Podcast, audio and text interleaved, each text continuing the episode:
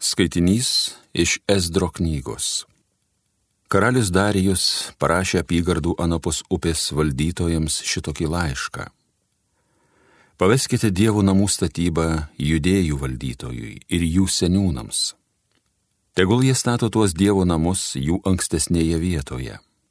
Aš duodu nurodymą, kaip jūs privalote remti judėjų seniūnus, vykdančius dievo namų statybos darbus Iš karaliaus išdo pajamų, būtent iš tų, kurias gauna kraštas anapus upės, turi būti sažiningai ir be pertraukio išmokamos tiems vyrams išlaidos. Aš Darijus išleidau šį potvarkį, te bus jis tiksliai vykdomas. Taigi judėjų seniūnai sėkmingai statė sopranašo Hagajo ir Ido sūnaus Zacharijo pranašyščių pagalba. Jie užbaigė statybą pradėtą Izraelio dievų įsakymu ir Kyro bei Darijaus patvarkymu. Pastatė šituos namus iki Adaro mėnesio 23 dienos, šeštaisiais karaliaus Darijaus viešpatavimo metais. Tada izraelitai, kunigai, levitai ir kiti pargrįžėliai džiaugsmingai atnešė tų Dievo namų atidarimą. Dievo namų pašventinimo proga jie paukojo šimtą jaučių, du šimtus avinų ir keturis šimtus ėriukų o kaip išpirkimo už visą Izraelį auką - dvylika ožių pagal Izraelio giminių skaičių. Dievo namų tarnystėje Jeruzalėje kunigus suskirstė į klases, o levitus į skyrius pagal Mozės knygos nuostatus. Pirmojo mėnesio 14 dieną trimtinių vaikai atšventi Velykas. Levitai buvo alė vienas apsivalę, taip pat visi jie buvo švarūs. Jie pjovė Velykų avinėlius tremtiniams ir jų broliams, kunigams ir savo patiems. Tai Dievo žodis.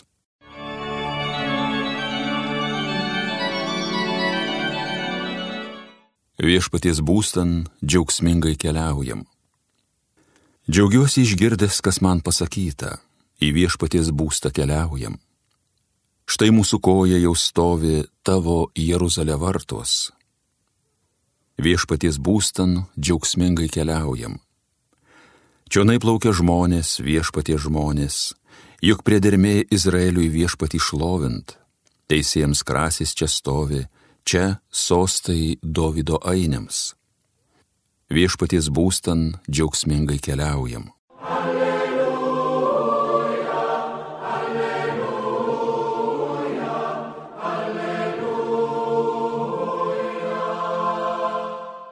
Palaiminti, kurie klausosi Dievo žodžio ir jo laikosi. Alleluja, alleluja, alleluja. Viešpat su jumis, pasiklausykime Šventuosios Evangelijos pagal Luką. Pas Jėzų atėjo motina ir broliai, bet negalėjo prasimušti iki jo per minę. Jam buvo pranešta, tavo motina ir broliai stovi laukia ir nori su tavimi pasimatyti. O jis atsakė, mano motina ir mano broliai tai tie, kurie klausosi Dievo žodžio ir jį vykdo. Girdėjote viešpaties žodį.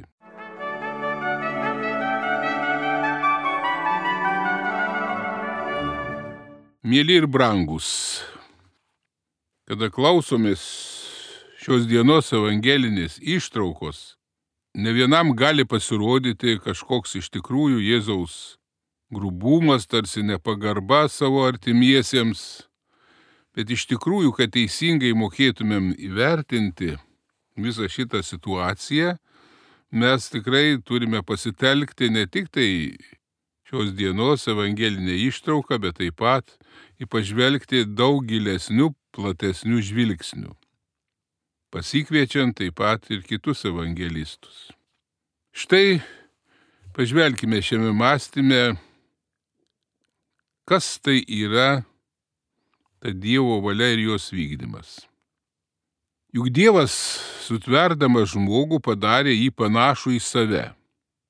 Ir kaip žinome, apgyvendino, nu, taip gražiai vadinamame rojuje. Žmogui nieko netrūko. Bet svarbiausia, kuo Dievas apdovanojo žmogų, tai laisvė. Ir dabar, aišku, nekalbėsime visos istorijos, puikiai ją visi žinome, kas su tuo atsitiko. Ir štai Dievo balsas. Kodėl taip padarėjai? Ir štai žmogus bando teisintis. Štai Biblija kalba apie žaltį.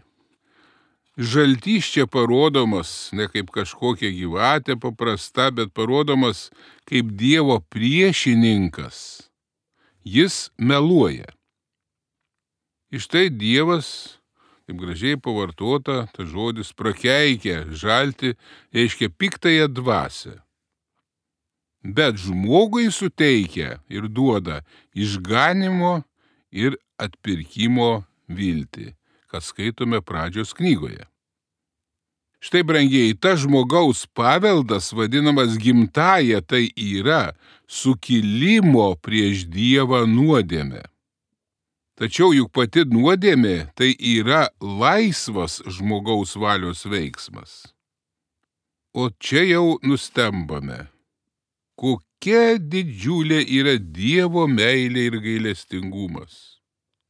Toks yra Dievo atsakas į žmogaus nuodėmę.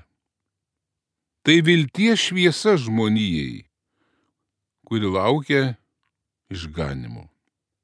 Dievas nepalieka žmogaus beviltiškoje padėtyje netgi po nuodėmis. Ir kiekvienam turbūt tai atsitinka. Dievas dar daugiau visada kiekvieną žmogų skatina ieškoti tiesos. Štai kai žvelgiame šios dienos evangelinę ištrauką, suprantame, kad Jėzaus artimieji galvojo apie pasiekmes, kas gali Jėzų ištikti.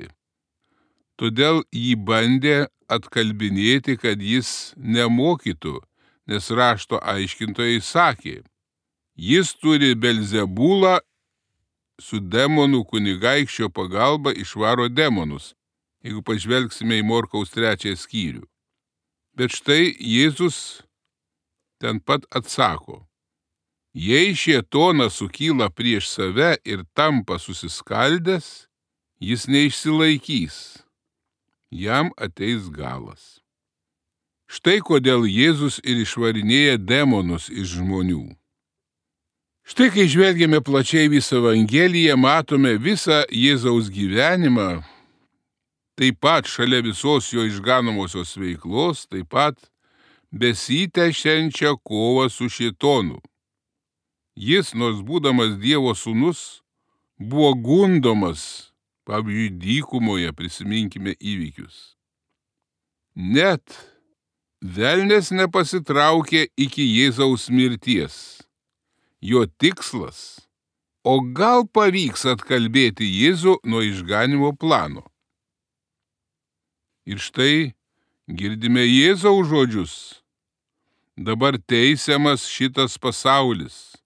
Netrukus šio pasaulio kunigaikštis bus išmestas laukan, o aš, kai būsiu pakeltas nuo žemės, visus patrauksiu prie savęs. Šito žodžius skaitome jau Jono Evangelijoje. Šios dienos evangelinė ištraukoje Jėzus ir motina pasitarnauja, kad būtų atkreiptas dėmesys Jėzaus ypatingą rolę išganimo istorijoje.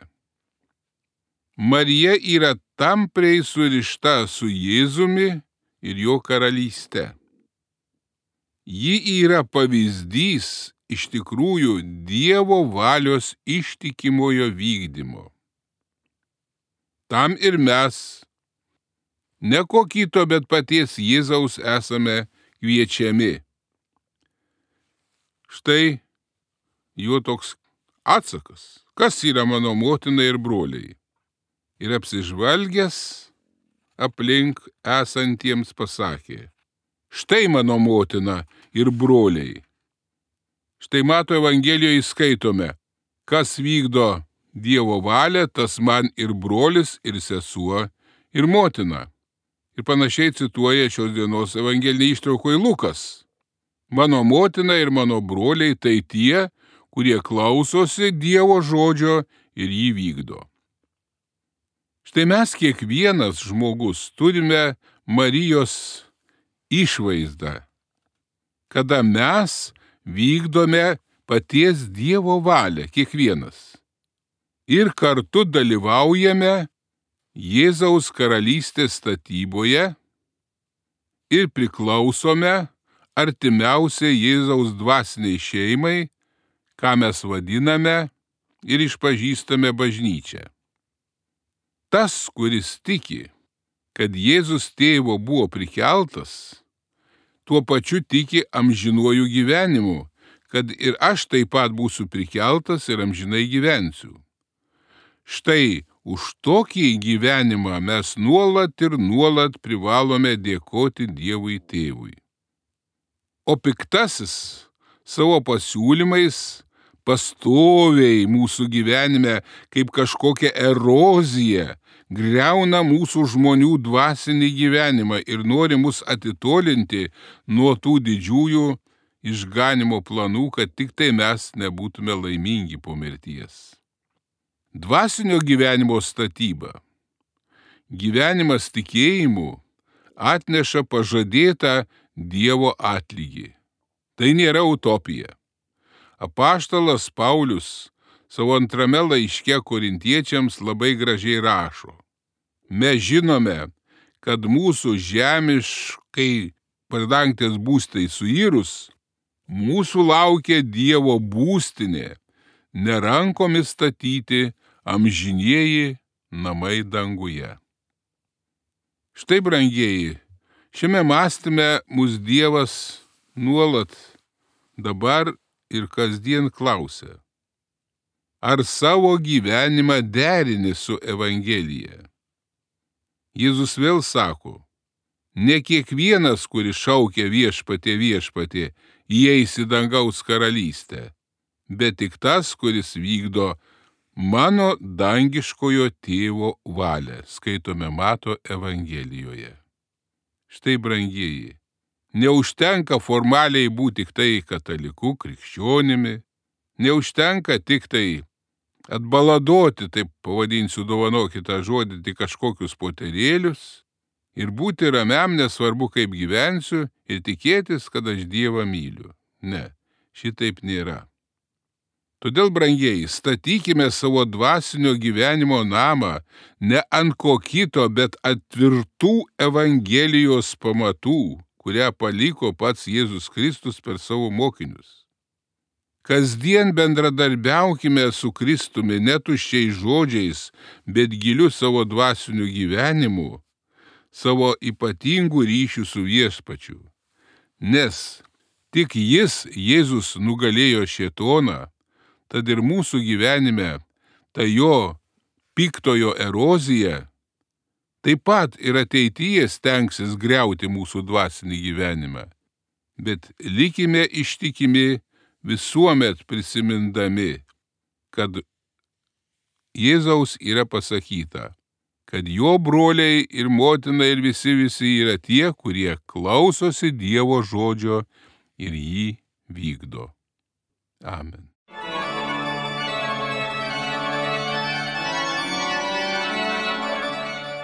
Homilija sakė profesorius, habilituotas teologijos mokslų daktaras, prelatas Vytautas Steponas Vaičiūnas.